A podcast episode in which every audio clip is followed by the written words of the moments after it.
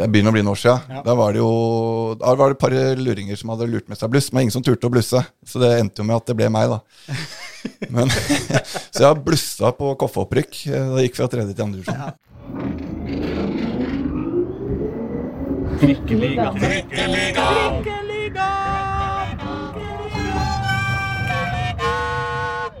Velkommen til Trikkeligaen, Havarikommisjonen del to, hvor vi prøver å finne ut av hva som gikk gærent for Vålerenga denne sesongen. Sesongen som endte med nedrykk. Vi hadde en episode tidlig i uka. Da hadde Aslak Borgersrud en lang liste med saker og ting som han, eh, som han, ville ta opp. Det er jo vanskelig å komme i mål med, med alt dette her. I hvert fall når det bare er eh, oss internt i redaksjonen. Så derfor har vi henta litt eh, ekstern hjelp denne gangen. Christian Arendts, klanens klantalsperson. Du er på besøk hos oss. Det er hyggelig. Du kommer inn her med, med Vålerenga-skjerfet rundt halsen. Du bærer det stolt fremdeles. Ja, det er nesten eh, stoltere nå enn Altså, det er viktig å vise støtte når det, når det går tungt, så det, det, blir sånn ekstra å ta på seg skjerfet og vise at man er Vålerenga når det faktisk går tungt. Skjerfet henger, nei, flagget henger oppe hjemme ennå, så det hengt der i en måned nå. kona lurt Ja, ja, kona lurer. lurt skal vi ikke ta ned det snart? Nei, skal vi vise at vi står med Vålerenga. Så det henger der ennå. Ja, og skjerfet på, det er jo deilig å se det. Men hvordan har du det bak flagget og skjerfet? Nei, det er Hva skal man si? Det, det, det, går jo inn på deg. Det er jo Det er jo det viktigste som jeg driver med i livet, liksom. Som, på mange måter. Mm. Så absolutt går det inn på deg. For min del så tok jeg vel egentlig dette nedrykket spesielt etter Rosenborg-kampen. Da var jeg ordentlig, ordentlig nede i en eh, periode. Og så når vi fikk denne ekstra livlinjen nå, sånn, så kom jo håpet litt. Men man turte ikke helt å slippe det helt løs, så det var kanskje like greit. Ja, jeg snakka med litt folk som sier at dette er liksom typisk Vålerenga, nesten. De, er, de, de, de, skal på en måte ikke havne der, og alle tror at det skal gå bra. Men i det øyeblikket de måte, havner under streken, så løser de det på et eller annet vis. Og så begynner man å få trua igjen. Og en gang man får trua, så, så får man et slag i trynet igjen. Så slår man KBK borte, er steingode. Og da får man trua igjen. Nå ja, ja, kan det vel gå. Og så får du den i trynet. Altså det, er det noe sånn, er det noe vålerengsk over, over dette Erik her? Tydeligvis. Ja. Nei, men det jo, har jo vært litt sånn varsla gjennom hele året. Det har jo vært et dårlig år. Altså, vi, bare, vi har tatt to, to hjemmeseiere. Eh, man rykker ned med to hjemmeseiere. Det har vi fasit på, i, på, nå. Og det kunne man egentlig sagt i forkanten av sesongen nå. Har vi Står vi igjen med to hjemmeseiere, så rykker vi ned. Mm. Eh, så det har jo vært altfor dårlig på hjemmebane. Eh, skal man sikkert ha en, eh, en føljetong-podkast med hvorfor funker det ikke på hjemmebane òg. Men det er jo ikke mange år siden hvor vi ikke tapte en eneste kamp på hjemmebane. Nei. Så det er, det, er, det er, mekanismer. Ja. Det er vanskelig å si hvorfor det blir sånn, men faktum er at nå har vi, har vi rykka ned, og det vi har levert på hjemmebane, har vært altfor dårlig. Så det har vært mange kamper egentlig vi har ikke vært så halvdårlige på hjemmebane, men vi har likevel ikke klart å vinne. Nei. Det har ikke bikka vår vei. Nei. Og så ser jeg sånn, blitt sånn etablerte sannheter i løpet av året at vi vinner ikke på hjemmebane, og vi eh, slipper i mål før det har gått 15 minutter. Mm. Og når det begynner å bli sånn etablerte sannheter, så er, jobber du motbakke. Mm. Det er vanskelig å komme ut av det. Jeg synes den... Eh, årets morsomste eller beste TIFO fra bortesupporterne i år eh, var nok Rosenborg, hvor du har midt i blinken med Som selv har hatt en dårlig sesong, da, ut fra hvordan de vanligvis har gjort det. Medisinen, eller hva det var for noe? Ja, resept på resept. å få god selvtillit igjen. Det var å dra på, på Vålerenga stadion og vinne, så er det i gang igjen. Ja. Så det Nei da. Det, det, er jo, Jeg så så mange skrev og snakket om det at ja, vi gjorde en bra kamp mot KBK, men husk, vi skal vi skal møte et lag som har vært best på bortebane i år. Vi har vært dårligst på bortebane i år, nei, hjemmebane, så denne kampen er ikke over. Nei. Og det viste seg at det var den jo ikke heller. Nei. Det er jo sånn, Dette som jeg har hengt meg opp i i alle år, med at etablerte sannheter som ikke nødvendigvis er det, ikke sant? Med, som jeg drar opp ganske ofte, dette med Hødvold, som jo også er en etablert greie at eh, det er så jævlig tøft å komme dit. Ikke sant? Det også har blitt en greie over mange år, at det, eh, uansett hvor dårlig Hødd er, Hødvold er beintøft, altså. Ja. men, men, det er jo mange lag som drar dit og vinner, så så tøft er det jo ikke. ikke sant? Men, det, men, når det først setter seg i huet på folk, som du sier, så blir det jo, blir jo en sannhet. Og, og, ja, så man må jobbe mot det hele tida, da. Som du sier. Absolutt. Og, og, for meg så ser det litt sånn uh, ut at, at gutta på banen har eh, at det har blitt vanskelig for dem akkurat det her, hvordan de skal løse det. Høye skuldre, kan man jo si, men jeg tror også det ligger noe i det at uh, vært mer redd for å, å, tape på hjemmebane igjen enn å bare gå ut og spille kampen. Ja. Ja, Det så veldig sånn ut nå i den siste mot Kristiansund. Ja. Hvor alle venta at uh, Vi så i den første kampen at de, de var jo et mye bedre lag enn Kristiansund. Det, det er kanskje det beste vi har sett i år. Ja. Og så fire dager etterpå så leverer, leverer vi årsverste. Ja. Så det Ja, det er helt utrolig. Ja, og da, Kiel Olsen sa det jo etter kampen også, at det er, sa det, rett ut, det er jo en mental greie. Altså nok, etter den siste kampen så kunne man jo bare si det, egentlig. Det er jo, ja. det, er jo det, som feller oss. Spillerne har jo vært litt sånn, og, og alle i det sportslige på en måte har jo vært litt sånn forsiktige med å si det høyt. at det, Eh, de sier at ja, fotball er et mentalt spill, og sånn, men da sa han bare. Altså, for jeg spurte hvordan kan du kan dere spille den kampen onsdag og den kampen søndag med så kort mellomrom mot akkurat de samme spillerne? Og da bare sa det, det er mentalt. Det, det funka ikke. De klarte det ikke, rett og slett. Da, ingen av spillerne jeg tror ingen av spillerne hver og en for seg sitter og tenker at 'jeg tåler ikke dette presset'. Jeg tror ikke Aron Kiel Olsen sto der etterpå og tenkte sånn at jeg syns det var vanskelig kanskje å håndtere dette presset. Men som lag, som kollektiv, så klarte man ikke å håndtere, håndtere dette. Man, man, kanskje slutter å stole litt på sidemannen. ikke sant? Man tenker 'er han litt nervøs'? Gjør meg litt nervøs, er keeperen litt nervøs, og så blir alle litt nervøse. Og så står det en gjeng rundt deg, som, som vi snakka om sist, og som, som, som jo utelukkende støtter deg. Men allikevel, du veit at det betyr så mye for alle de som står på tribunen. Og som vi snakka om dette med straffekonken også, som, som, jeg eh, var på. Jeg sa jo det da at eh, jeg tror det er fordel Vålerenga å skyte den veien, hvor det ikke er eh, noe folk ikke sant, på den tomme tribunen, og så er bortesupporterne i hjørnet der, kontra å skyte mot, mot glassfeltet. Og jeg det er jo en rar tanke å si, det er jo en rar ting å mene med det eh, når man skal skyte en så viktig straffekonk. For det skal jo være fordel å skyte mot din egen. Nå møtte jeg en Vålerenga-supporter her på tirsdag også. Han hadde ikke vært ute av døra siden han kom hjem eh, søndag kveld. Mm. Uh, og var bare, han hadde, han, sa, han, hadde, tenkt akkurat det samme. Jeg håper de skyter den veien der. fordi jeg tror dem rett og slett uh, Det å stå og se supporterne i øya og vite at jeg kan sparke klubben ned, det, ja. det blir for mye, liksom. Og det, jeg føler at det er litt som kanskje Det oppsummerer litt Vålerenga-spillernes mentale syke denne, denne, høsten spesielt. da. Og det, det, er jo en ting man må bryte. Skal du spille Vålerenga, så må du tåle å spille ja. foran en full østblokka. Da. Ja, det er det du vil. Ja, det er, det, det er, derfor du har lyst til å spille. Det er det som gjør det spesielt. Det er hovedstadslag, det er mange som bryr seg. Det er, en, en, det er 3900 som står på én tribune bak målet og lager mye lyd. Ja. Um, takler du ikke det, så, så funker du ikke. Nei. Da får du spille på Hødvoll. Ja, da blir det Hødvoll. Ja, det, det, blir, det, blir, det blir dessverre ikke neste år, for dem rykker jo også ned. Ja, det gjorde jo det. Ja. ja. Ikke dessverre, da, for det er jo beintøft der. ikke sant? Ja, ja kanskje like greit. Det Levanger i stedet, da. Det er også beintøft. Ja, det er tøft der. Men uh, verden går jo videre, da, og, og, sesongen forlenges jo til de grader nå inn i møterommene og på alle andre arenaer. Og du er jo da i den du er jo i den heldige stillingen, kan man si. Du er iallfall til stede på møtene i, i, i Vålerenga fotball elite og Vålerenga fotball ASA. Og de hadde jo da et slags felles møte på tirsdag. Ja, det. Der, og der var du. Hvordan, hvordan, hvordan opplevde du det møtet?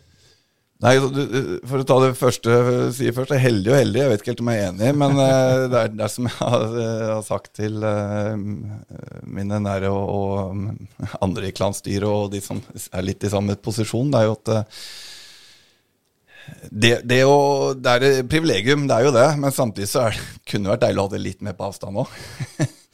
Um, jo, jo, mer Det har dessverre vært litt sånn jo, jo, tettere du kommer på klubben, jo mer oppgitt blir du. da. Mm. Um, men, men, var det sånn formelt, der, altså der har du møterett, men ikke talerett? Er det sånn? Ja, altså eh, ved årsmøtet i år, eh, det blir jo i år, ja. så, så, hadde vi et, eh, et, forslag inn om at uh, klanen skulle få lov Eller VFE-styret, altså klubbstyret, skulle invitere inn uh, anmodet om å invitere inn et uh, observasjon fra, fra, klans, fra klanen. da.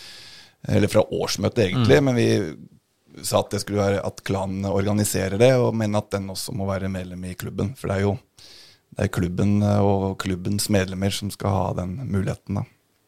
Eh, og så fikk vi gjennomslag for det på årsmøtet, og så har jeg etter det vært eh, invitert inn som observatør. da. Så det vil si at jeg deltar på, på møtene. jeg, har, jeg, kan tale og, og, komme med forslag, men jeg har ikke noe stemmerett, for jeg er jo ikke et mm. Eh, medlem av styret, men er observatør. Ja. Så min rolle er jo litt å, å tenke på det. Um, gi styret innspill fra supportersiden og medlemmenes side, og samtidig uh, passe litt på at uh, Passe på er feil ord, da, men det er at verdiene til Vålinga og sånn blir med hele veien. Den som vi, Mm. vi supporterne er stolte av.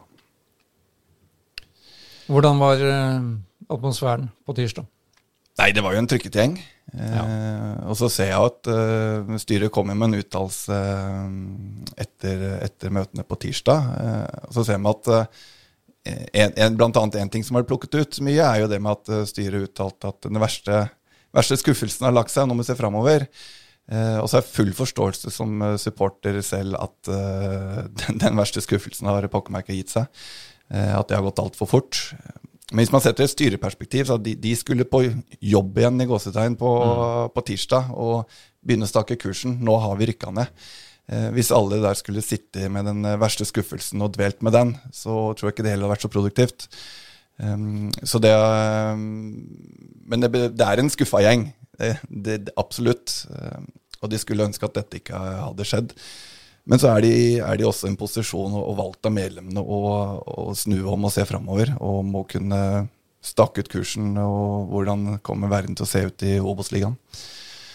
Så um, Men det med den der setninga om at den verste skuffelsen har lagt seg, det er jo på en måte uh, For det er jo den egentlig folk henger seg Absolutt, opp i mest. ja. Uh, og, og det er jo det med akkurat Det er ordlegginga som bare blir feil. Ja. Altså De kunne jo skrevet akkurat den samme meldinga, men de, de lager den litt sånn sikkert i litt hui og hast. At det, liksom, vi, vi er i gang med å jobbe med ting nå. liksom. Det var, de ville jo egentlig levere en positiv beskjed Ja. om at nå er vi i gang med å, å se framover. Det var egentlig det man skulle si. Men så legger du på den at den verste skuffelsen Altså kunne bare strøket den kunne bare setninga. droppa hele den Ja, setningen og fått fram det at vi, vi må fokusere framover. Kan Ja, ikke dvele for sånn- lenge med det. Men det er absolutt viktig at eh, man skal dvele litt med det òg. Men hva legger man i å dvele? Og da tenker jeg med på det at eh, man skal dvele med det fordi man må finne ut hvorfor havna i den posisjonen vi er nå. Hvorfor har vi rykka ned? Mm. Hvorfor uh, klarer man ikke å, få en stabil eh, toppklubb i Oslo, at det er Vålerenga? Det er de spørsmålene man stiller seg, da. Og de må man dvele med til man har funnet svaret. Um, men så, så er det jo Men, men det jeg tenkte med det, er at eh, det var en eh, skuffa gjeng og mange tunge hoder, og så må de prø likevel prøve å snu om og, og se framover. Men, men jeg er helt enig, de kunne bare kutta den, eh, akkurat den delen. Men det var nok ikke det som var intensjonen å melde ut. Nei, nei men, det er det jeg eh, også følte, at de skrev den litt sånn, Ja. eh, og tenkte ikke så veldig mye over det. Her kom, altså, den verste skuffelsen tenker man i hvert fall sånn Er ikke det med en gang man rykker ned, på en måte? Altså, så skjønner man jo ettertid at nei, skuffelsen er jo nesten verre Ja. i dagene etterpå. For det er jo da du skal møte andre folk. Altså Ja. Når du står på stadion, så står du jo med, med 10 000 andre som føler akkurat det samme som deg. Så, så det er jo egentlig det beste stedet å være i en sånn situasjon. Ja. Det er jo folk som forstår deg når du kommer på jobben på mandag. Det er jo de som ikke skjønner noe, som syns det er jævlig artig at du har rykka ned. ikke De som ikke har sett en fotballkamp engang. Ja, ikke sant? Så bare syns det er eh, Og så ler de og tøyser og syns det ikke sant? Og så merker man at selv at man blir forbanna irritert inni, seg. Men du kan ikke gå rundt og være så irritert på liksom kollegaene dine. Du må liksom Ja, gøy, gøy. Ja, jeg kom til en arbeidsplass på, på onsdag, var det vel, hvor den var dekt med Vålerenga-logoer. Det var veldig hyggelig, da. Men så sto det jo litt sånn uh, Obos-ligaen og sånt noe i tillegg på de logoene. Men så sto det en sånn lapp, lapp foran der med bilde av Fosshagen eh, campus og 'Velkommen til Fosshagen eh, campus eh, 2024'. Så jeg forventer jo bare at eh, min kollega som har gjort dette med meg, kommer med billetter. At det var det som var poenget. For nå er jeg blitt velkommen dit, så da forventer jeg å få billetter dit og få påspandert det. Ja, ja Fosshagen campus er jo, det er jo en tidligere eliteseriearena, og den er jo ikke det verste å Ja, det er jo en av de stedene det går an å dra på, Ja, det, hvor du faktisk er på en stadion. ja da. Det er jo definert som toppfotballen, så det, det er bare hyggelig. Men jeg tenker at mye, mye som ble litt feil med den uttalelsen, er jo det vi, det vi vet i dag. da, med, med Styret har jo også De varslet jo samtidig at de skulle ha Eller ikke med en gang, den kom, kom inn i etterkant, men varslet jo da at de skulle ha et møte med, med valgkomiteen eh, på fredag, noe som de nå har hatt, og, og ny uttalelse etter det. og da hadde de hatt med fra, fra starten av i den, eh, i den setningen, det som har kommet ut nå, med at de stiller plassene sine til disposisjon, eh, så hadde jo den uttalelsen på tirsdag hatt en helt annen kraft. Eh, med å, at det ikke var med, så ble den jo veldig tam. Mm. Um, Men hva, tenker- hva betyr egentlig det at de- de stiller nå plassene til disposisjon? Altså, hva, hva betyr egentlig det i praksis? Ja, jeg var jo, var jo der på, på, tirsdag og snakket med dem om det da. Det det betyr i praksis, er jo at det er et styre som er beredt på å ta ansvaret. De ser at uh, det er viktig å gi eh, medlemmene i klubben muligheten til å bytte dem ut hvis de uh, lander på det og mener det er riktig, at andre kan gjøre jobben bedre enn dem, samtidig som at de, samtidig som at de er villige til å ta det ansvaret og den jobben som er å ta klubben videre. Mm. Eh, enkelt sagt, de, de, eh, tar ansvaret, men løper ikke fra det. Nei. Det er det som er, eh, er litt sånn tonen i det. De kunne jo valgt å trekke seg. Mm. Det, hadde, det, som hadde skjedd da, er jo at man ikke hadde, hadde hatt et fungerende styre per nå. Så hadde valgkomiteen fått to uker på seg å stable på plass et helt nytt styre. Som igjen går inn i i perioder som allerede er satt, og da er noen på valg igjen i mars. Altså, det blir mye, mye rot og kål, da, og ikke sikkert man har inn de riktige personene på kort tid heller. Eh, så med å stille plassene på disposisjon, så gir jo valgkomiteen en mulighet til å snakke med flere. De får bedre tid til å finne ut eh, hvilke personer tenker vi er det riktige. Eh, og på den måten får også medlemmene mulighet til å gjøre et mer riktig valg, da, tenker jeg, og få tenke seg mer grundig om hvem er det vi ønsker inn her. Og Medlemmene har jo også mulighet til å, å jobbe ved siden av valgkomiteen og komme med sine forslag. Både til valgkomiteen, og hvis ikke det er flere med innstilling til valgkomiteen, også komme med benkeforslag på årsmøtet. Så det, jeg, tror at det er en jeg mener det er en riktig avgjørelse av styret å gjøre det. Samtidig så tror jeg det er riktig at man bruker den tiden fram til årsmøtet og, og finner eh, de riktige kandidatene. Mm. For, ja, for jeg snakka jo da med valgkomiteens leder, Jon Harald Nordbrekken, som da nå sitt, har fått veldig mye i fanget. da. Ja. I og med at nå er, han kan faktisk, han har jo da fullmakt til å sette sammen et helt nytt styre. Riktig. Kan tenke, tenke, helt fritt. Og han var jo veldig opptatt av det å unngå ekstraordinært årsmøte, for det blir jo mest surr, sa han. Men han vil ha det ordinære årsmøtet så kjapt som mulig. Ja. Egentlig så fort som mulig at, et, at regnskapet er klart for, for, for i år. Ja. Og nå, så nå sitter jo han med blanke ark egentlig og så kan um, sy sammen det han vil. og da det er jo det vi utenfra lurer på. Det, det, har vært mye snakk om at det er, eller kritikk mot styret at det mangler sportslig kompetanse, f.eks. Eh, så, så lurer jeg litt på hvor viktig er det når man har et A-lag med ja, Rundt årets A-lag er det så tre tidligere hovedtrenere i Eliteserien som har styrt Ja. Eh, hva tenker du om det? Jeg tenker absolutt at det er viktig at man har en sportslig kompetanse i også styret. Og så kan vi ikke bare ha et styre med kun sportslig kompetanse. Mm. For å uh, drive en uh, fotballklubb i, i 2024, som det blir nå, det, det er noe annet enn en bare sparke ball. Så vi må ha en miks der. Men nå har jo miksen vært at det er kun uh, jurister og finans hovedsakelig, og, og PR. Um, mens man har manglet hvis man, hvis man bryter ned Vålerenga, så er jo VFE-styret er jo, er jo kun styret for Vålerenga fotball elite. Og Vålerenga fotball elite har Hvis du tar bort spillere, spillerne, da, så er det ikke veld, akkurat veldig mange ansatte. Det er eh, Jokke, som er sportssjef. Og så er det Geir Bakke, som er hovedtrener. Og så har jo han assistenter. da. Men det er jo utgangspunktet de to som er de sportslig ansvarlige. Så det er ikke noen administrasjon rundt dem. Og så deler man jo daglig leder da, med, med AS.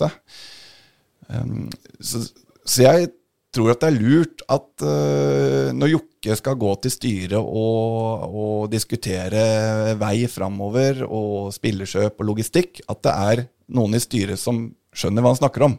Ja. Um, for det er jo de som til slutt skal avgjøre hvilke mandater og hvilken vei Jokke, eller hvilke signaler og hvilken retning Jokke skal jobbe etter. Og, og Geir Bakke, da. Eh, og da må de ha noen å spare med der. Og sånn som mm. det er nå, så er jo, er jo, ikke kompetansen god nok på akkurat det. Så det tenker jeg er det, det viktigste inn mot uh, årsmøtet, å lete etter den kompetansen. Ja, for I tillegg til Tuva, da, Søre, som er leder, så består også styret av Einar Greve, Ivar Flø, Frida Blomgren og Marianne Eskeland. Ja. Uh, for oss utenforstående så er det ikke så veldig mye tung fotballkompetanse her. Uh, Nei, det er jo ikke det. Nei. Så det, det vil opplagt skje noe. Ja, ja vi må, må, stake ut en uh, Altså, nå har man muligheten, da. Mm. Um, det jo, var jo tre stykker som, uh, som sto til valg, uh, men nå er det seks stykker som er på valg. Ja. Så det, du, du, har mye større handlingsrom til å gjøre de, gjøre de endringene man vil. Og så tror ikke jeg nødvendigvis at det er lurt å bytte ut absolutt alle. Men at man kanskje sitter med et par stykker fra det gamle styret, og så At man bytter ut uh, noen andre. Men Ja, eh, for hvis, hvis vi tenker en tidslinje, da, litt, litt et drøyt år tilbake, Ja. så er jo altså utskiftning av samtlige som styrer denne klubben. egentlig. Altså, Sportssjef Jokke kom jo inn da etter uh, Ingebrigtsen. Ingebrigtsen. Ja. Ja. Og så var det da trenerskifte ja. i juli. Så skal vi ikke glemme det at uh, Jokke fikk jo egentlig Han fikk jo ny stilling i sommer, han òg. Sånn Ja. sett på en måte, eller nytt mandat med å være den øverste leder for sport. Det var jo Fagermo som var før. Ja. Uh, og så ble det ny markedssjef. Ja. Og så blir det ny daglig leder fra 1. januar. Og så blir det kanskje ny styreleder. Ja, Så blir det ny økonomisjef òg. Ikke minst, for han går jo til norsk uh, toppfotball. Ja. Men han skal gjøre, i hvert fall gjøre ferdig regnskapet. For, Han skal gjøre ferdig regnskapet. Det er vi veldig glad for. for uh, jeg tror ikke det er mange i Norge som har en større forståelse for uh, fotballøkonomi og dualmodellen enn Rune. Så han eh, det, er, det er kjedelig å miste han med den kompetansen han har. Um, men vi er veldig glad for at han, eh, han har tenkt til å fullføre dette regnskapet. Ja da, det, er Riberg vi snakker om, han, Ja. han, han har jo tung erfaring med fotballøkonomi. da. Absolutt. Så, så det er jo noen som er redd for lisens og slike ting, men eh, akkurat det tror jeg han har kontroll på. Der har han kontroll. Det som i praksis er nå, da, det er jo at Vålerenga da har et styre som det samme styret som opererer som vanlig fram til man da får på plass noe nytt. Og det er det som ligger litt i kortet her også. Altså, som du sier, eh, når de stiller plasser sine til disposisjon, så, så har man jo disse folka her Ja. som sitter nå og gjør den jobben som de er satt til å gjøre, og som, som de på en måte er inne i. Og så sitter de der fram til man på en måte da får inn noe nytt. Ja, fram til årsmøtet. Ja, og, Det, er jo, og det, er jo, det ligger vel litt i korta at, at det blir helt nytt òg. Ja, altså Helt nytt? Altså, men tenker du at alle blir bytta ut, eller ikke? Ja, eller hva det tenker eneste, du? Det eneste, det er, som jeg sa i stad, jeg tror det kan være lurt å beholde et par stykker. Ja. Um, men, uh, men man må se på hele sammensetningen på nytt. da. Mm. Hvilken kompetanse trenger vi, og hvilken kompetanse burde være i styret. Eh, Så må det bli bredere sammensatt. Som jeg sa i stad, vi må få inn noe med sportskompetanse. Og så har man jo allerede i dag noen som har eh, kompetanse på både finans og juss og, Mm. og sånt noe. Eh, Som jeg tenker også er viktig å ha et, eh, et fotballstyre i, i 2024, da. Så profesjonelt og, og sånn det har blitt. For, for, bare for å fullføre fornyelsen, da, vi må også ta med Nordbekken, som da overraskende nok ble leder av valgkomiteen etter det forrige årsmøtet. For det var jo Gjermund Northug som var leder av valgkomiteen. Men de innstilte da en kandidat, Jørgen Jalland, som de egentlig ville ha. Ja. Som da ikke var teknisk valgbar. Så da, da ble jo hele det styr, valgkomiteen ble jo kasta. Ja. etter benkeforslag fra tidligere VIF-spiller og eh, Dagsrevy-sjef eh, Viggo Johansen, som da foreslo Jon Nordbrekken inn igjen. Ja. Ja, det ble jo også et uh, helt uh, skifte av valgkomiteen i, i fjor, Ja. uh, av de årsaker som du nevner. Eh, det lå jo i det at Jallan ikke var valgbar, eh, var jo selvfølgelig ikke bra. Og så har den valgkomiteen fått mye kritikk for det arbeidet å kunne innstille på en som ikke er valgbar. Eh, Men eh, og det ble jo nevnt litt at de ikke har gjort det god nok jobb osv. Man vi skal ikke dvele for mye med den, den, eh, den der. Men, men samtidig de gjorde en veldig god jobb. Problemet var at den ikke var valgbar. Så det var, ikke, det var ikke sånn at Jallan ble kasta inn dagen før. Det var ikke det. Men der skjedde noen misser da, eh, som man skulle vært unngått. Men, um, og der så man jo også at allerede i, i år på valgmøtet så var det jo Det ble flertall for å fortsette med Tuva og ikke gå for eh, å utsette valget av, eh, av eh, styreleder.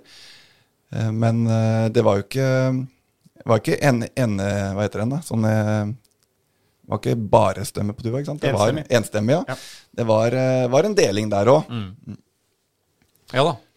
Og jeg snakka med de som hører på at jeg kanskje er kanskje mest opptatt av hvordan det- det skjer med, med sport fremover. Og jeg snakka med Nordbrekken. Han, han sa jo at uh, eh, dette var en kritisk situasjon, men uh, han, var jo veldig opptatt av at, at, at det var ikke bare altså et, Å rykke opp igjen, det, det går ikke av seg sjøl. Absolutt Og han sa jo rett ut at uh, Vålerenga må ha et sterkere mannskap, et sterkere tropp neste år enn de har hatt i år. Ja, jeg leste det. Ja, det, det var jo en interessant uttalelse. Ja, Det er ikke gratis, men, eh, men, men det må man jo få til. E- Eventuelt få, få ut det potensialet da, som vi tror ligger i den, i den spillergruppa som faktisk er der. Så er, det, så er det spørsmål hva er en sterkere tropp, da. I år så har vi jo sett en, en tropp som ikke har klart å bl.a. vinne kamper på hjemmebane. Ja. Um, For Troppen til Vålerenga denne sesongen har jo altså, på papiret vært sterk. Det er jo ikke det som har vært problemet. Det, det hjelper jo ikke å bare hente inn noen navn og så tenke at det løser problemet heller. Jeg tror jo mange i Vålerenga nå tenker litt sånn Ok, nå har vi en Bekk Risnes, kanskje han vil være med. Sjøeng. Disse unggutta, Kiel Olsen. At vi kan satse litt på de, og så kanskje kan vi få Så forsvinner en del av de andre, så får vi inn litt penger der, og så kan vi kanskje hente noen erfarne nye, da. Jeg tror mange er interessert i å se et litt sånn nytt Vålerenga-lag, og ikke, den, ikke sant, to endringer fra den elveren som spilte mot KBK. Det tror jeg ikke folk egentlig er fornøyd med, selv om de sikkert vil Noen vil beholde Bjørdal, noen vil beholde Strand, og noen vil beholde? Det er litt forskjellig hvem folk vil beholde. Men jeg tror ikke noen blir veldig misfornøyd hvis en del av de forsvinner. Og så lenge de beholder på en måte unggutta. Jeg tror absolutt det viktigste, sånn som Risnes og Borchgrevink, ikke minst, Ja, også, eh, ikke ja. sant, som er, eh, er Vålerenga-gutter. Altså, de, de, de, de, de må man jo bygge rundt, og de er gode nok. Mm. Eh, I hvert fall for Obos. Ja. Eh, Så det er, det er en stamme man må bygge rundt, og så kan man se hvem, hvem, er, eh, hvem er det man skal ha med videre, og hvem skal ikke være med videre. Det er jo den jobben eh, sportslig ledelse må gjøre nå? Med, med, med Jokke og Geir eh, hovedsakelig. Så har jo de sine assistenter med seg, da, men det er jo der den evalueringen må gjøre. Hvilke lag skal vi stille med? Eh, Hva må så er det jo er det et stort spørsmål. Ikke sant? Hvem ønsker man å selge? Hvem kan man selge? For det, er- det er jo det er ikke noe tvil her enn også å rykke ned koster penger. Man må dekke et, eh, et inntektstap. Det betyr spillesalg. Um, Det er ikke alltid automatikk at dem man har lyst til å kvitte seg med, er de som man klarer å selge. For Det er kanskje en grunn til at man vil kvitte seg med dem, og de er ikke så attraktive andre steder. Um, mens de man helst vil ha med videre, er de som er salgbare. Så det er jo det som er eh, Det er det som blir jobben til Jokke framover nå, å balansere akkurat det. Eh, Og hvor mye penger skal man kreve for den ene og den andre. Og det er vel ikke, verdien går vel ikke opp når man ryker ned. Nei. Så um, det Jeg tipper at det vil være en del sånne eliteserielag som er interesserte på en måte nå. Og for at de, de ser jo det samme som alle andre, som er inne på. Vålerenga har et bra mannskap på papir. altså Det er gode fotballspillere som bare ikke har fått det ordentlig til denne sesongen.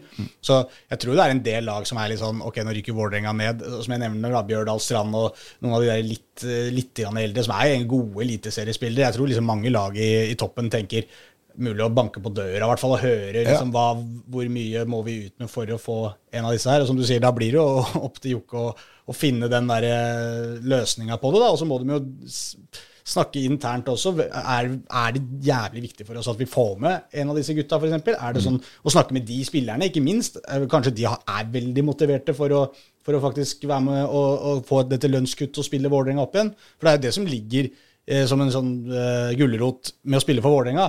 Ja, du spiller i Obos-ligaen nå, men neste sesong så kan du spille på Ja, et av uh, Eliteseriens kuleste lag ikke sant? i toppdivisjonen. Ja. Så det er, jo, det, det er jo en sånn Hadde dette vært Koffa, da, at de rykker ned neste sesong, så er det mange av de spillerne tror jeg synes det er mer attraktivt å kanskje ok, høre om det er noen eliteserieklubber som, som er interesserte da, uh, enn disse Vålerenga-gutta som kanskje tenker om ett år så, så står vi der og er eliteseriespillere igjen.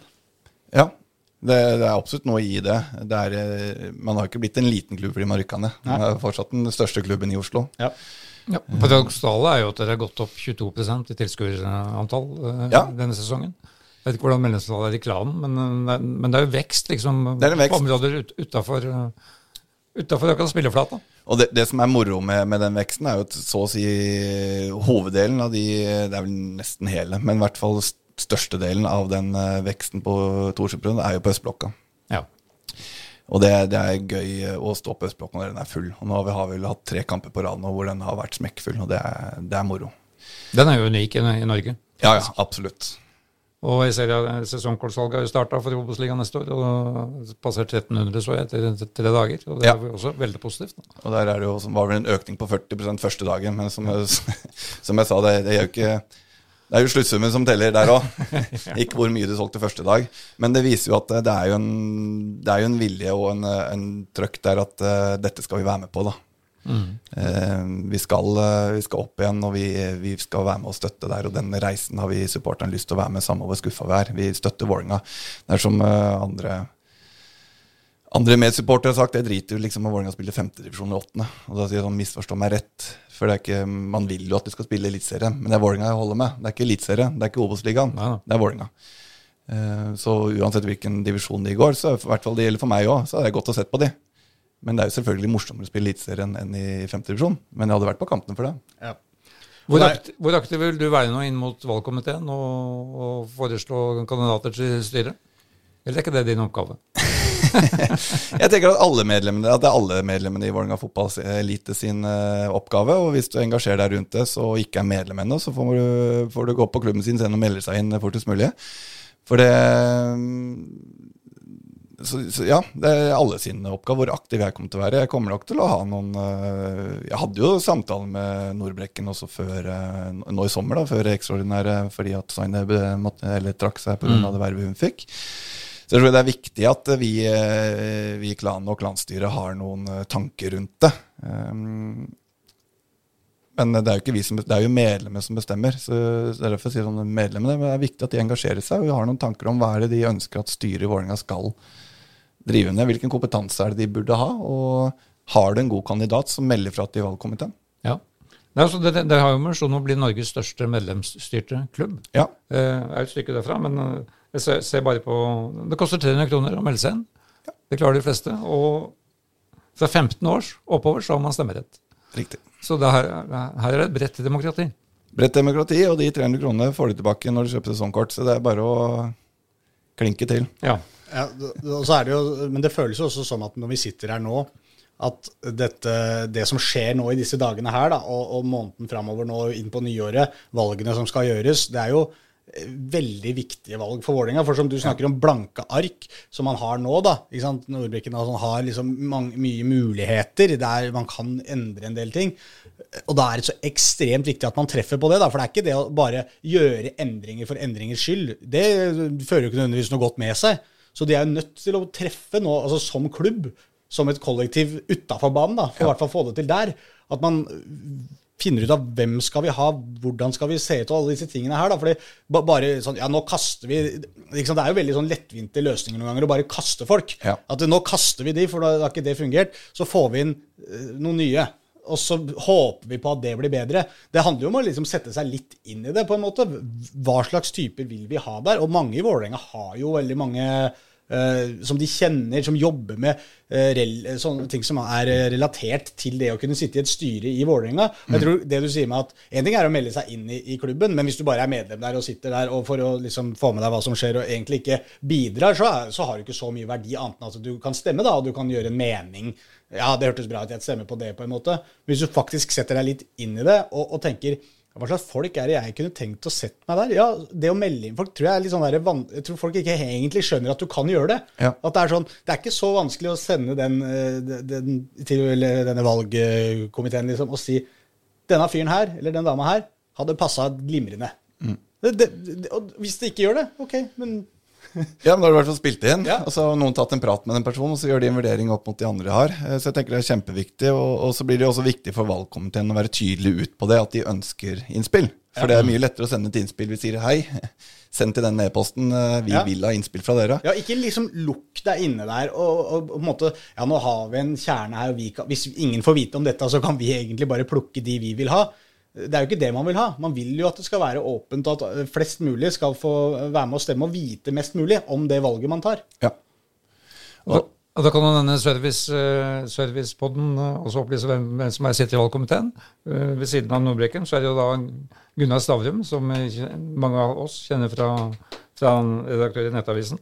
Elin Horn er jo da, har lang erfaring fra, som leder, faktisk, i, i breddeklubben, var det vel? Hun har hatt mange verv Ja, de og, og stillinger i, i Vålerenga. Ja, og ikke minst mor for uh, veldig bra midtstopper. Og så har vi Hanna Weigård, som ikke jeg vet så mye om, men hun sitter også i valgkomiteen. Ja. Og den, eh, de får en morsom, interessant jobb fremover. For jeg jeg er enig med deg, det er jo fascinerende med, medlem, altså med økt medlemsvekst og deres påvirkning. For det årsmøtet som var sist, som vel tok fire timer, det, det ble jo mye mer eh, innholdsrikt enn det mange hadde trodd på forhånd. Ja. Så, og, det, og det blir vel noe tilsvarende nå, tenker jeg. Ja, altså, det, det, kommer, det kommer mye an på det. da, ikke sant? Klarer valgkomiteen å komme med gode kandidater som treffer bredt i, i medlemsmassene, så kan det jo gå relativt fort for seg. Eh, Men hvis de bommer helt, så blir det jo masse benkeforslag og misnøye og sånt. Da kan man holde på en stund. da. Så Det er derfor det er så viktig at uh, valgkomiteen går ut bredt, og de er uh, tilgjengelige for innspill, og at de uh, er åpne for å snakke med, med sånn som oss i, i landsstyret og andre som har meninger, da, for å kunne treffe på de viktige personene. Så jeg vil bare si det, Når vi snakker om sportskompetanse, det, det, som er viktig å tenke på det Jeg ser jo det er mange som kaster ut navn og sånt, og det er sikkert dyktige folk. jeg kjenner ikke eller kjenner jo til noen navnene, men hvilke kompetanse har de utenom, vet man jo ikke. Eh, I hvert fall ikke jeg. Men hva er en sportslige kompetanse? Er det en som har spilt fotball eh, i 15 år og vært innom Vålerenga i 3-4-5 år av dem? Eller er det en som har en uh, fagutdanning innafor det? ikke sant? Um, det beste hadde jo Eller beste, det vet ikke jeg. Men, men jeg tenker at noe faglig kompetanse skal være litt mer at du bare har spilt fotball. da. Mm kanskje vært trener, du har vært uh, sportslig leder et eller annet sted, eller du har, du har, jobbet med det i tillegg, ikke bare spilt fotball. Um, så det tror jeg også er viktig å, å se på komplementære komplementære kompetanse inn mot det. Ikke bare at du har spilt fotball. Det er ikke nødvendigvis Det kan være at det holder i massevis. Da. At du kan være en person som har mye å si på der. Men det er ikke sånn automatikk siden du har spilt fotball at du har fotballfaglig kompetanse. Da. Nei. Jeg tror kanskje også sånn, det er folk i spillergruppa der som også vil ha oppfatninger her. Om, de kan jo spille inn, spille inn forslag, de også.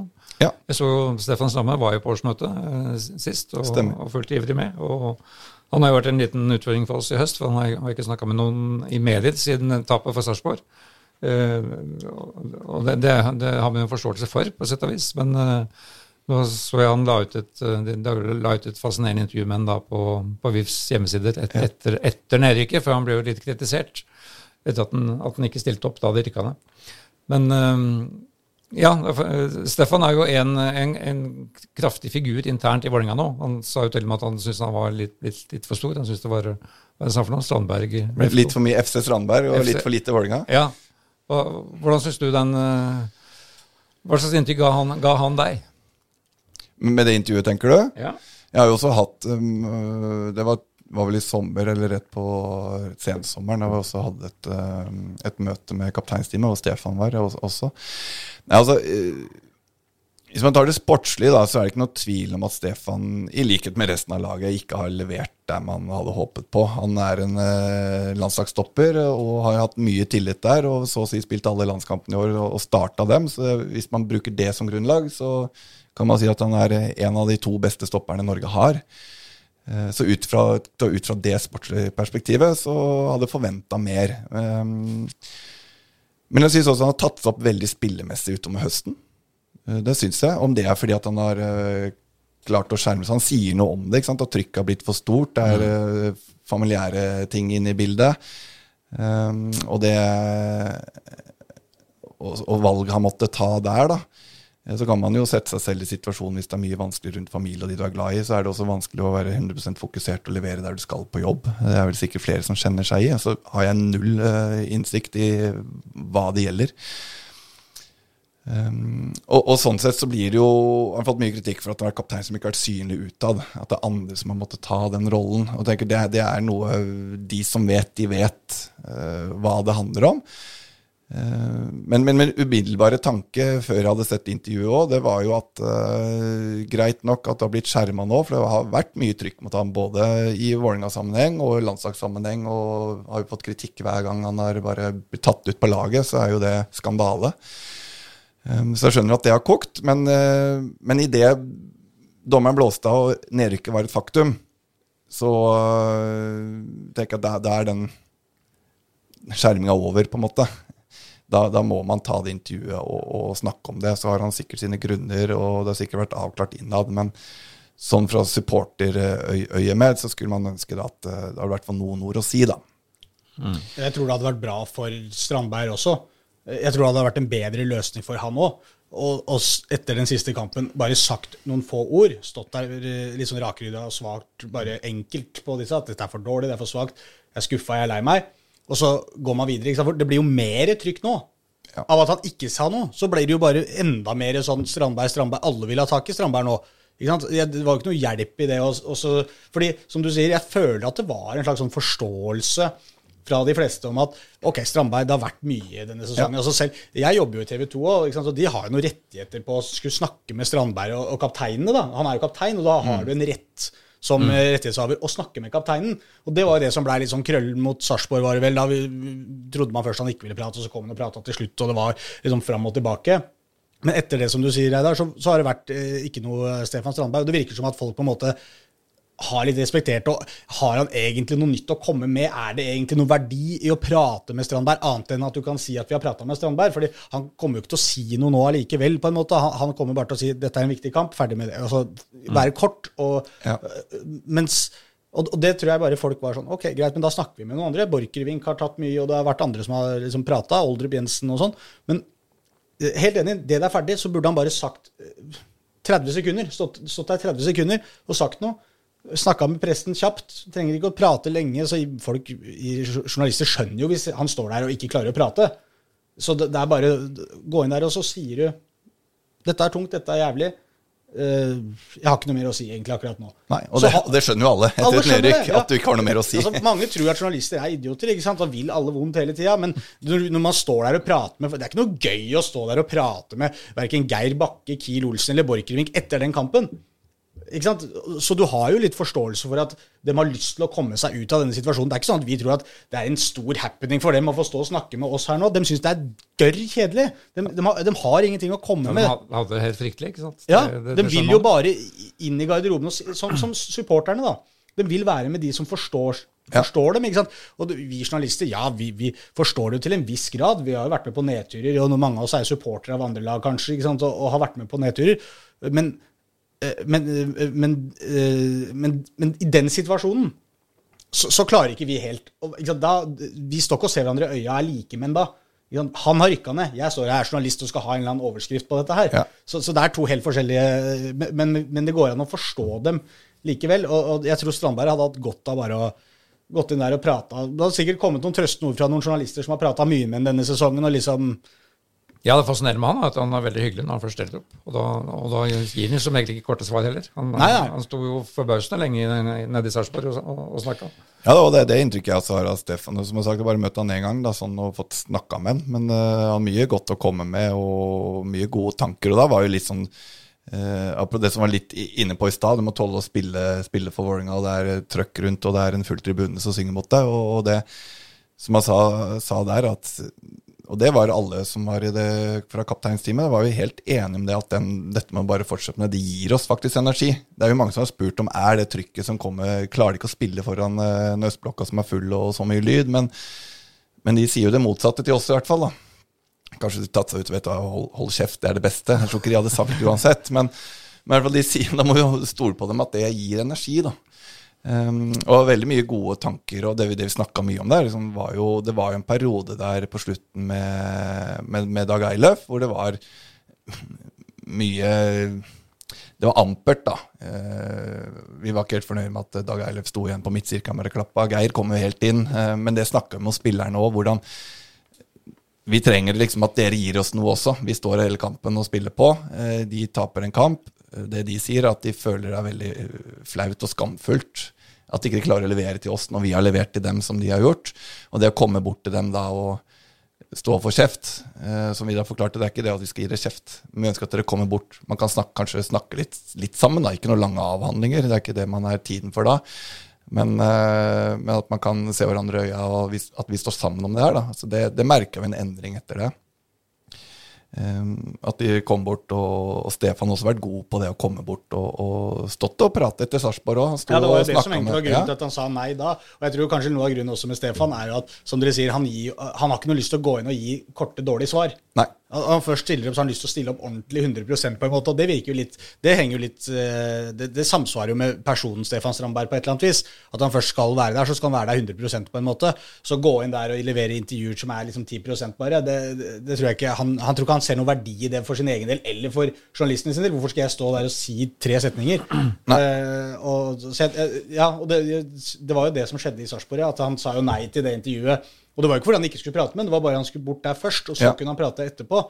Uh, og det blir jo det også en greie. Da, ikke sant? Så det er jo som føler Strandberg havner jo i, i Ja rampelyset hele tida. Han er nok en som uansett hva hadde gjort, så hadde det blitt feil Ja. et eller annet Ja. sted. da um, men, blir- men, men som jeg sa i stad, jeg hadde forventa at kapteinen gir, i- sier noen ord uh, direkte etter et, eh, et nedrykk, uh, uavhengig av hvilken situasjon man, man er i. Da. Ja, for Det blir Hvis spenn- hadde bare sagt 'ingen prater med pressen'.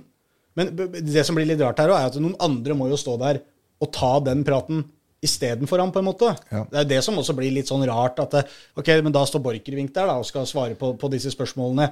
Eh, hadde Vålerenga sagt 'ingen prater med pressen', så hadde det vært litt mer sånn altså, Vi må bare inn her, summe oss, og så kommer det en etter hvert, på en måte. Men det blir sånn Nei, Strandberg sier nei, så vi må ta en annen. Det, altså, ja, det ble litt feil. Men hvis man ser litt på andre siden av det, så har man jo Borch har jo vokst eh, 200 meter ikke sant? Ja, på, det på, på å stå der ikke sant? og ta den selv. Han som bommer på den avgjørende straffen, står der, tar den trøkken, tårer i øynene, sier 'vi skal tilbake', og han har ikke kontrakt engang. Nei. Så um, ikke sant? han er eh, 100% på at han, skal, han vil eh, ha Vålerenga opp igjen, og han vil være med på det. Eh, Så han må bare få seg en kontrakt da, for å kunne være med på det, men det er noe Det er, mange, det er mange som peker på han som den nye kapteinen, eh, hvis det blir en ny kaptein. Nå er det jo spennende å se hva Stefan gjør, da, for han har jo kontrakt et år til. Ja, for, for Stefan sin del. Han har jo kontrakt et år til, og så for Stefan sin del så tror jeg mye handler om eh, Hvis han fortsatt da, har ambisjoner å spille på landslaget, Ja. så eh, tror jeg ikke Ståle Solbakken sier ja, det er bare spill Obos-ligaen, du blir fortsatt tatt ut. Så det er, det er jo de tingene han må finne ut av nå.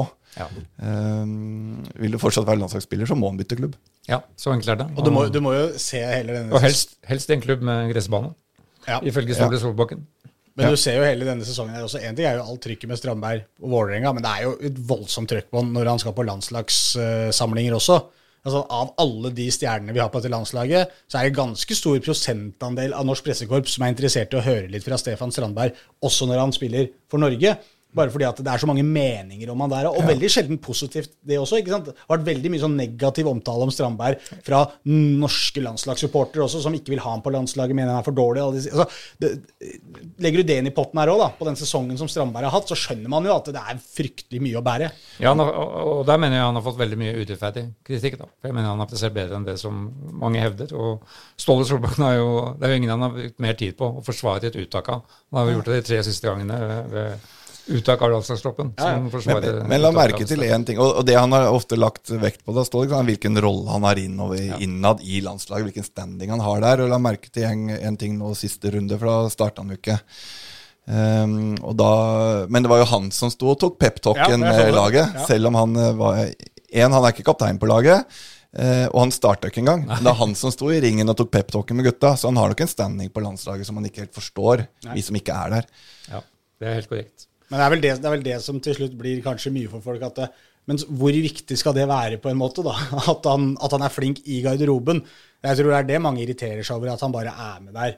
Han er ikke god nok. og det, nå, Når han ikke starta, så blir jo folk sånn Ja, det, det er jo akkurat det vi har sagt. Han er ikke god nok til å starte, men de har han med fordi at han kan stå der og prate. ikke sant? Vi var ikke så veldig gode bakover i de kampene. Nei da, og jeg sier ikke at det ene eller det andre er feil. Jeg har ikke gjort meg opp noen sånn sterk mening om det, egentlig. Jeg bare prøver å oppsummere sesongen til Stefan Strandberg og legge til landslagsspillet i tillegg her, da. Så har det vært mye press på han. Ja. Landslaget har større problemer enn enn han. Det, det er Ståle Solbakken veldig klar det har jo blitt sånn som med, med, med åra at eh, det blir jo Det er 100 Vålerenga etter hvert. For det, mm, jeg ser jo nesten ikke internasjonal fotball lenger. Det, det, er, det er en helt annen debatt, men hvordan den har utvikla seg og de tingene der. Og så er det Det gir meg mye mer å vite at jeg kan eh, gå ned i veien og se på en fotballkamp eh, med de gutta du kan stå og heie på og dra land og strand rundt med, hen og se det gjennom en TV, eller kanskje, hvis det er ordentlig ivrig, få dratt over til et eller annet land én eller to ganger i året. Altså det, det er det, det som skjer ut på, på Vålerenga, som, som betyr alt for meg etter hvert. Og da må vi jo innom eh, kjapt eh, i Havarikommisjonens eh, del to. Hvordan ble du VIF-supporter? Eh, Hvordan starta det? Nei, det starta som for mange, i 97. Men um, Ja, Da skulle vi hatt han eh, opprinnelige programlederen. Ja. han har vært opptatt av 97 tror jeg er gullåret. ja, men jeg husker ikke så veldig mye derfra. Men eh, min første kamp var i 97. Hvor gammel er du egentlig? Spør man om Nei da. jeg blir 39 nå. Um, så 97 var jeg da 84 var jeg 10. Sånn, ja, 7, ja, 94, var jeg, 94 var jeg 10, mener jeg. Ja. Så, men det, det begynte på starten av ungdomsskolen, der hvor uh, eksen til søsteren min tok meg med på sin, uh, min første Vålerenga-kamp. Og så tok det noen tid før jeg var liksom bitt av basillen. Så egentlig det var jo egentlig Jeg begynte å gå ofte på kamper. Det var min første kamp. Men da jeg begynte å gå ordentlig på kamper, det var eh, for neste gang vi rykka ned, holdt jeg på å si. 2000. Um, I førstedivisjon der. eh, og kjøpte mitt første sesongkort som jeg har hatt siden eh, etter at jeg har stått tre timer i kø for å få billetter til cupfinalen i 2002. Og tenkte her gidder jeg ikke en gang til, så neste gang cupfinale skal jeg ha forkjøpsrett. Ja. Det har ikke blitt så veldig mange etterpå, men eh, det har blitt veldig mye kamper, da. Ja, ja, ja. Um, så det begynte rundt der. Um, og så etter hvert så ble jeg dratt Jeg husker sånn veldig god dette historie. Det var på Falkum, heter vel eh, tilbake den tiden. Hvor eh, de gamle gamleklansfolka, Nimo og Svenna sånn som var, eh, har vært i styret og aktive der før, var jeg på bortekamp der, og så var det vel jeg var Svenna og Nimo som kom bort til meg. Du, du har vi sett, du er ivrig på tribunen. Nå, vi må ordne noe, for det er noe TIFO-greier vi skal ordne. Eh, Så nå står du her og holder noen plasser, så står du her og synger med oss resten av kampen. Så det var litt sånn jeg ble dratt inn i, i, i klanen sånn sett. Før så jeg, dro jeg på kamper med venner, men da ble liksom ble sett og ble dratt inn. og ble litt TIFO-arbeid etter hvert, og mer og mer der. Og så jeg havna jo og begynte å jobbe i Vålerenga, faktisk. eh, Tilbake i tid. En, eh, en kompis av meg som begynte å jobbe i Vålerenga som trener. Og da hadde jeg sagt til den dagen du skal tilbake i, i Vålerenga, så skal jeg være med. Så da havna jeg Da tok han over eh, 94-gutta. Altså Gyas og Ivan spilte to år opp. Eh, Det er jo mange av de som har vært innom Vålerenga for så vidt på A-lagskamper, men de mest kjente er jo Ivan og Gyas. Og eh, kom der når de var gutter 15. Var med dem eh, halvannet år før jeg da, som frivillig bare, før, eh, før jeg ble spurt om jeg kunne ta over en deltidsstilling som eh, man egentlig. Materialforvalter og lagleder og, og, og sånt noe på Rekrutt junior. Ja. Så så alt var jeg der i fire år. Da. Og det som er den jeg jobba med hele veien der, var jo bl.a. Johannes Mosgaard, som uh, under all suksess han har fått med K5 i år. Det er kjempegøy å se. Fantastisk eh, mann. Um, så jeg jobbet jo tett med han da i, i fire år, så han ja, man blir man godt kjent med. Så det, men det var morsomme år. Um, i, I den stillingen fikk jeg jo være med, være med å spille Være med til Stavanger når gutter 16 Det var 93 gutta var det vel, som spilte NM-finale. Tapte dessverre den mot Viking. Det var en av de første gutter 16 NM-finalen som ble arrangert. Jeg bare se på det laget som var ute på den banen der. At ikke, det, jeg kjenner ikke så mye igjen av det vikinglaget. Eller jeg har ikke gått inn i materien der, men eh, de gutta som spilte den finalen, at ikke de vant den, da må det vikinglaget ha vært godt. Håvard Nilsen på topp, blant annet. Og eh, mange som har vært innom Vålerenga i eh, senere. eh, Og også nå spiller fortsatt i Eliteserien.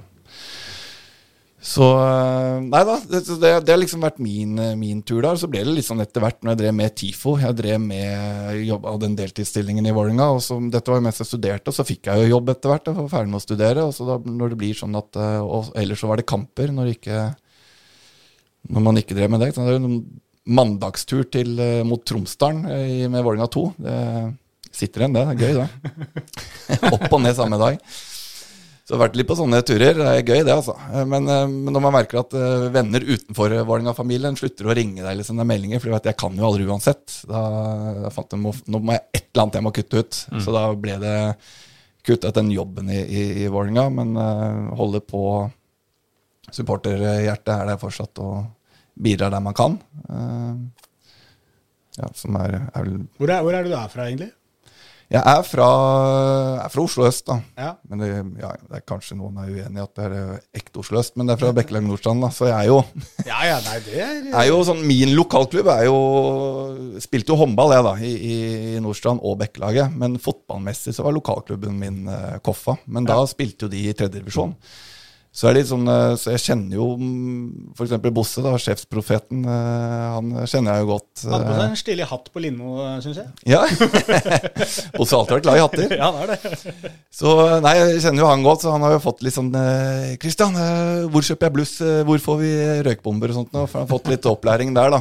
Jeg husker han sa, jeg snakka med ham om det, faktisk. Jeg, jeg ble overraska over liksom hvor høyt nivå det var på en del av de bannerne og sånn som han hadde lagd.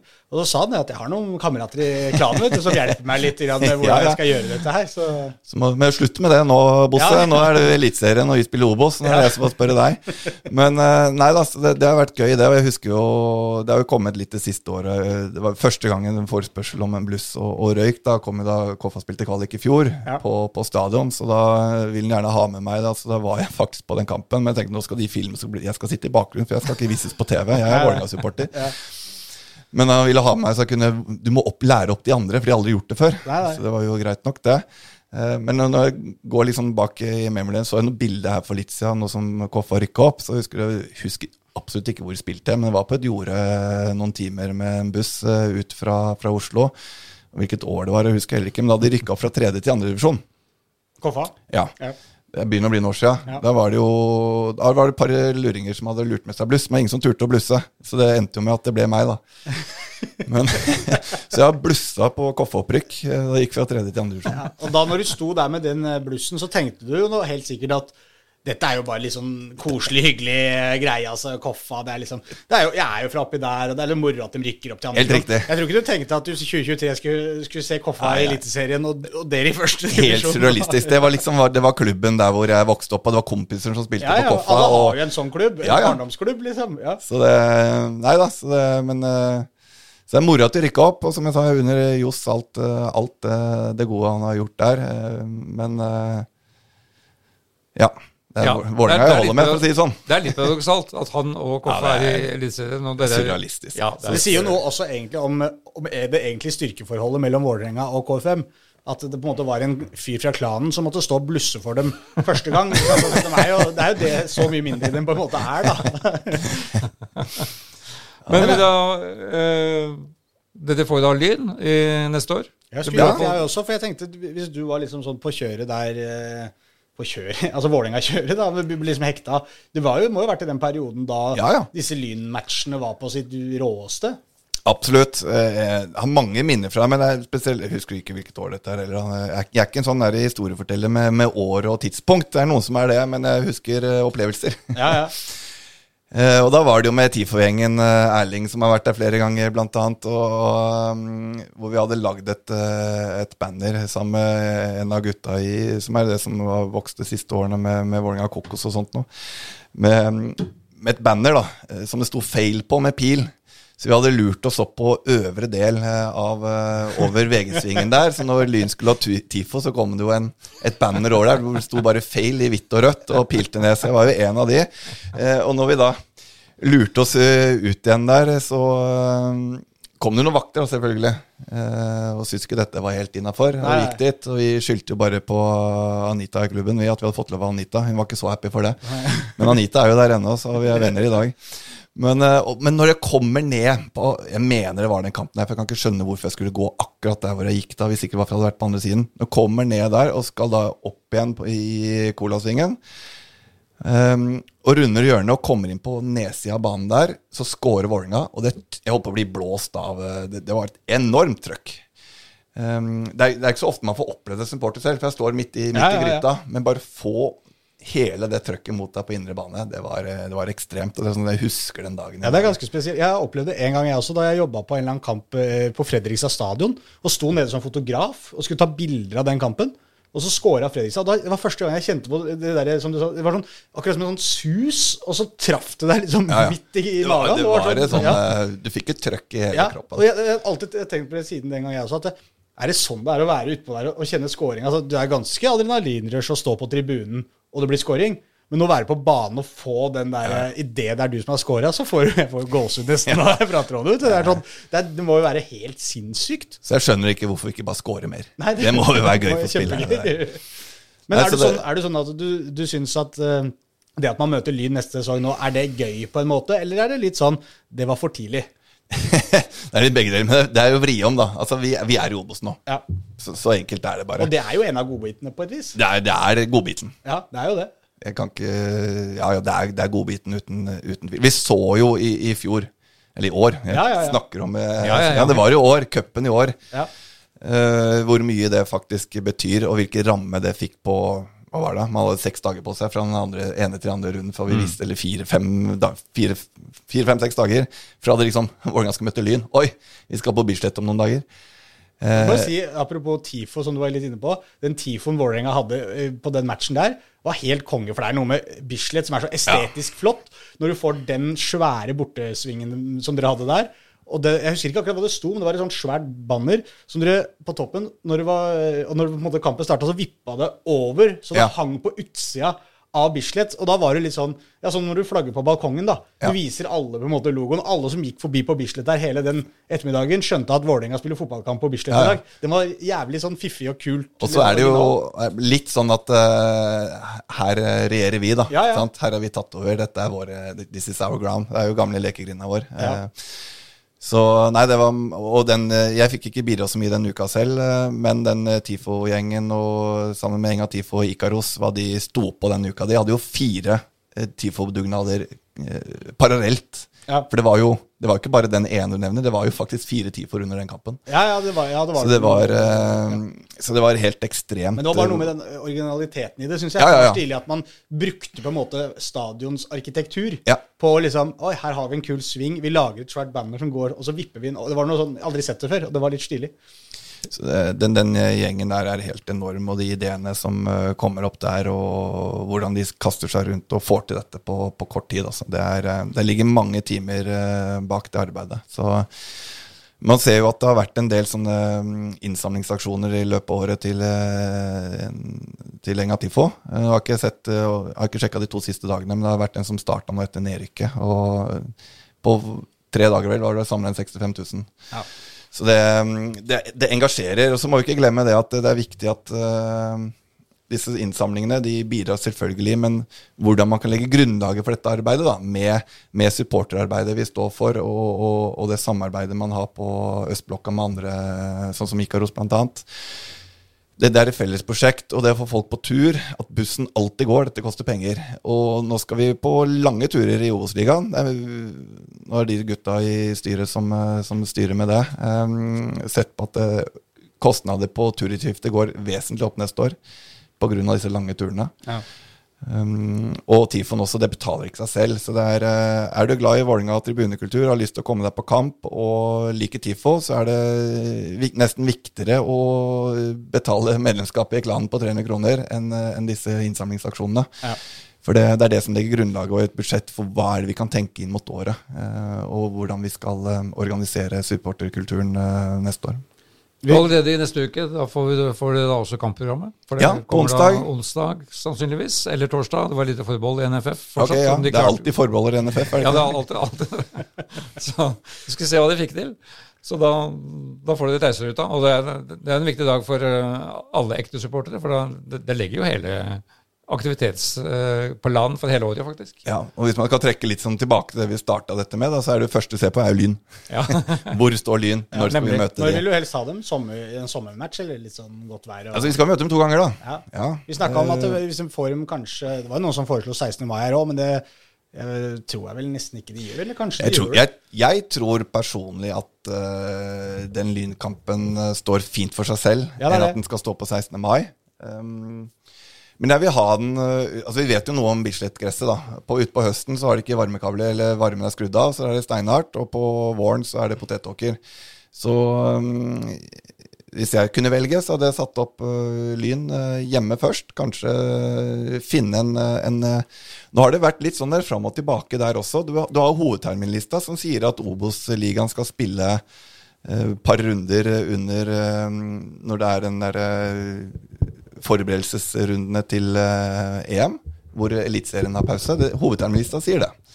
Men når det sånn, gikk ut et skriv om når det er pause og ferie og sånt nå i Obos, så sier det noe annet. Så vi får vente og se det òg. Ja, okay. Men der hadde jo vært noen uh, luker hvor Lyn, uh, Vålerenga Lyn hadde passa perfekt. Hvor Eliteserien har, har pause og all oppmerksomhet gå på den kampen. Men, for det er jo det, det er jo noen i Lyn som har lekt med tanken om at, uh, om at hjemmekampen deres burde være lagt Ullevål. Ja, det var det jeg skulle til, jeg også nå. Eh, men nå skal det jo skiftes gress både på Bislett og på Ullevål. Ja. I løpet av Så det er litt logistikk der òg. Ja, men, eh, logistikk der. men jeg tror nok uh, ha hjemmekampen, Vålerenga har hjemmekamp først. Gjerne i en av de lukene hvor, uh, hvis det da stemmer at det skal være Obos-runde når det ikke er eliteserierunde.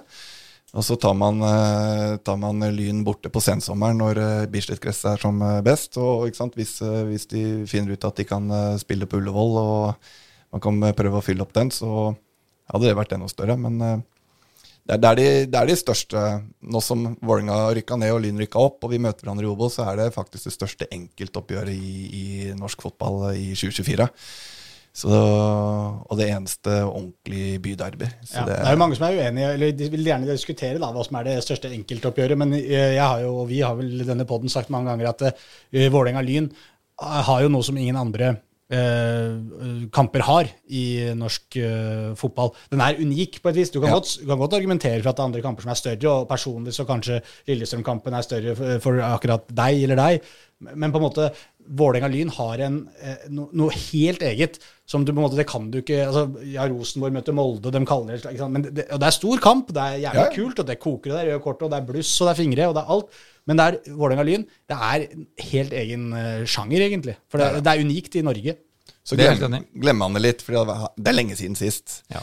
Uh, så man så den menige mann har ikke kjent på det på mange år, men du så sant, hvor mye betyr det. Og det, det som eh, jeg var syntes mest var gøy i år, da, i cupkampen, var jo å se at de, de yngre også har skjønt hvor mye dette betyr. De har egentlig vokst opp med, ja, ja, ja. med Lillestrøm-oppgjørene, og lenge siden vi har spilt mot Lyn. Men du så på, på Bislett der at de, de, som har kommet etter og er blitt yngre enn meg, det, de ser at det, jo, Lyn skal vi slå. Dette to, betyr noe. Og du trenger to for at det skal bli en kul dans. da. Uh, og det er noe med at Lyn-supporterne er, Lyn er den eneste klubben som faktisk klarer å generere ganske store masser, de også. Sånn at du får faktisk de to uh, supportergruppene mot hverandre, som er uh, en veldig gode og veldig mange. For, for, Bastionen skal jo ha det at de er jo utrolig dyktige, de også. Det er jo ingen, eh, altså Bak Vålerenga-Lyn så er det jo milevis til det neste. altså Det er jævlig bra, den, eh, de bannerne dine, Bosse, men altså det er, det er, Lyn er på en måte et stykke foran likevel. Og selv der ser du på tribunen at det er mange unge som heller ikke har ja, ja. noe forhold til, til Og det, det snakker jo akkurat det samme om i Lyn, at de er så fornøyd med at det har kommet inn så mange nye unge, og at man får liksom nye generasjonen. Og nå får de denne kampen, og nå skal de få smake på det. og de som opplevde Ullevål på 2000-tallet, man vil jo gjerne at de skal få oppleve det, de også. Ja. Nå høres det ut som vi faktisk har noe å glede oss til ja, også, neste år. Ja, Havarikommisjonen skal jo helt ut der nå. Det blei jo ja. bare prat om eh, supportere. Skulle snakke om hva som er galt i Vålerenga. Det er mye, men det er mye morsommere å snakke om, eh, om de tingene som skal skje neste år. Da. Nei, men som jeg sa, Man må bare snu det om. Da har vi rykka ned, og da er det å begynne å glede seg og se terminlista som man alltid gleder seg til til jul. For den kommer jo ofte tett opp mot jul. og da det, er det man må begynne å prikke ut. Hvor skal man på tur, og når skal man på tur? og Så får man håpe at man unngår Levanger og sånn på mandager, for det er jo drepen. Men uh, vi skal nok klare å stable folk på, på, beina da også, og komme oss og støtte gutta. Det, det skal ikke så mange til for å fylle disse stadionene rundt. Da det er et felt på 50 stykker rundt, så man kan si 'utsolgt'! Ja, ja, ja, så er det en halv buss som har dratt opp. Men, uh, da, så, men vi, er, vi er jo veldig spent på om, om Obos-ligaen vet hva som treffer dem, da, så kan si det sånn. Ja. Eh, den, eh, den, eh, det trøkket som har vært rundt fra supporterne i år, og bortefølget som har Nå har ikke jeg sett på tallene, men det har gått ganske mye opp. Jeg har hatt flere bortekamp som har vært utsolgt. Mm. Um, og, og, viljen til å dra på bortetur er absolutt tilbake. Og man har det gøy på bortetur. Og det er det vi supporterne snakker om. Ja, vi har rykka ned, men vi har det gøy på kamp uansett, vi. Ja, ja. Eh, vi tenker ikke så veldig mye på en motstander der. Så det er klart. de 90 minuttene som har forandra seg, bare. De 90 minuttene hvor det er fotballkamp som har forandra seg. Du er på stadion. Bussturen og, og pubturen og alt ja, ja. er jo det samme. Det folk er, er, det samme. Folk er de samme.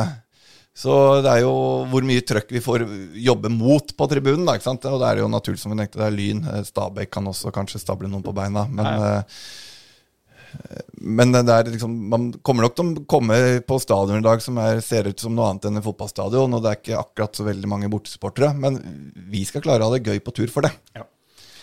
Da skal vi fortsette med journalistikk rundt dette nye styret som skal velges i VIF. for Det er blitt offisielt også, se. Så vi, vi, må, vi må på jobb. Vi må etter hvert unna for, ja, for, for, å få ut noe. Men ja. Dette var veldig hyggelig. da. Det var det. Jeg kan jeg bare avslutte med et spørsmål? Ja. Fordi, som bare går litt tilbake på det vi egentlig begynte med, med, med alt styre og stell og alt dette rundt Vålerenga. Eh, jeg lurte på liksom, Hvis du satt der nå og var enerådende diktator i, i Vålerenga, og kunne på en måte bare eh, lagd din egen struktur på hele klubben, på hvordan, hvordan, skulle du ideelt sett eh, likt å se Vålerenga? Hvordan skulle du sett ut? St- Starter vi med administrasjon eller sportslig, ja. eller? Ja, sp- Det er administrasjon. på en måte, altså hvordan, er stru, hvordan strukturen i Vålerenga fotball skulle vært. Vi må ikke glemme at det er ikke så himla mange ansatte i den klubben her. Det er vel ni stykker. Eh, en ting som jeg har stussa på, som jeg ikke har fått stilt spørsmål om ennå da, til, til de ansvarlige, men det skal jeg gjøre, som jeg har tenkt på de siste dagene. Det er jo, Hvis du ser på de ansatte, alle er jo sjefer eller ledere. Er, er det lurt? Skulle man delt opp på en annen måte, da? Så at du har en uh, kommersiell leder, og så har man en salgssjef under det, og så har man partneransvarlig. Altså, hvem er det som faktisk er, er sjefen her, da? Ja, ja. Så det kan hende at, det bedre, at de har bedre innad og klare linjer der, men sånn utad når du leser liksom, det, er, det er en sjef- eller lederstilling på sosialt. Ja. Eh, og når man er ni stykker, er det nødvendig, eller burde man hatt tydeligere linjer på det? Um, men jeg har hatt en del uh, samtaler med, med, med Svein Graff, som uh, han begynner ikke offisielt før 1. januar. Han har nok gjort eh, litt mer enn det han hadde tenkt seg uh, før 1. januar, men det, det er nå så. Men uh, han har mye tanker rundt akkurat rundt det her. Så det kan hende man har truffet bra på en, en daglig leder, og han har jo dobbelttittel, vel. Det er vel daglig leder i VFE og Hva blir det for noe? Kom, ja, en annen tittel i forhold til AS. Ja. Men, um, men det var ikke det du spurte om, om jeg mente Svein Graff var riktig mann. Nei da, men, men jeg ville nok bytte hvordan er hele strukturen her. Så kan man, og så må man jo spille med de kortene man faktisk har. Ja, man kan gjerne si at uh, ideelt sett uh, at uh, Trøim ga oss 500 millioner og sa nå trekker jeg meg ut, men jeg gir en grunnlag for å starte, hvis jeg kan velge helt fritt. Så bygde opp um, en klubbdrift som er basert på klubb, og ikke avhengig av ytterligere investorer. Um, men da må vi ha grunnlag for å gjøre det. da. Ja, det hadde vi gjort det i dag, så hadde vi mangla ganske mange millioner. Mm. Så hadde vi sett en helt annen satsing. Så det er jo noen sånne følgefeil av noe som har blitt gjort tidligere på et eller annet vis. Absolutt. Dette har vært dårlig klubbdrift i mange år, Ja. som er at vi sitter der Og vi det er derfor det er så viktig det som skjer i disse dagene nå, og framover i månedene som kommer nå. At man ikke på en måte bygger noe som, som noen år fram i tid faller igjen. At det er noe som faktisk går riktig vei. Ja. Men jeg tror det er viktig at man finner tilbake hva øh, verdiene i Vålerenga Hva er vi, hva ønsker vi å være? Hvilken, øh, hvordan skal vi fremstå, og hvordan skal vi øh, Hvordan er det vi skal spille ut det, vi- det vi står for? da? Det er masse bra i Vålerenga å ta. Eh, og så må man finne veien for å få dette til å spille sammen, og hvordan dette skal fungere sammen, og hvordan eh, ja, rett og slett hvordan, eh, hvordan er det vi ønsker å fremstå. Og så må man bygge derfra. Jeg tror man må finne det først. Og det er litt sånn optimerende også. Hva ønsker vi, hvilke representanter hva vi har for oss. De vi kan velge inn, er de som sitter i styret. De er på valg. Eh, Der har vi en eh, Hvem de ansetter, må vi jo legge Det må jo de få tillit Gir vi dem tilliten til å ansette riktige personer. Men vi, det er der vi må stake ut kursen, tenker jeg. Og da må man Vanligvis jobber man fra bunn, men her må man jobbe fra toppen da, når det er litt fotballklubb. Ja. Bunnen er jo de som er ute på banen. Ikke noe vondt mot spillerne, men det er jo de som har minst å si, egentlig, i, Ja. i hierarkiet. De skal gjøre det de får beskjed om. Um, håper det er et samspill inn i garderoben, da. det er ikke det jeg mener. Men uh, det, det er jo Det må, må ha en god ledelse på toppen, og den er det vi som er medlemmer i Vålerenga fotballelite, som er med på å bestemme. Så vi må starte der. Og da, fortsetter vi med hav- Havarikommisjon del tre i neste uke allerede. Ja. Sannsynligvis med Nordbrekken som gjest. Vi får Ja. se. Ja. Han har nok å gjøre de neste dagene, tror jeg. Så Men vi håper han får tid til å stikke innom. Så er det bare å følge med. Og så takker vi av for denne gang. Veldig hyggelig å ha deg på øh, besøk. Det, var- det starta på en måte med det alvorlige, og så ble det TIFO og bare gøy. Det kommer en sesong uansett divisjon. Og øh, nå er det Lyn og gjengen som venter der nede. Det blir gøy, det også. Vi skal ha det gøy på kamp! Ja. Ikke tenk på det. Takk for i dag, gutter. Takk for i dag. Takk for i ha det godt.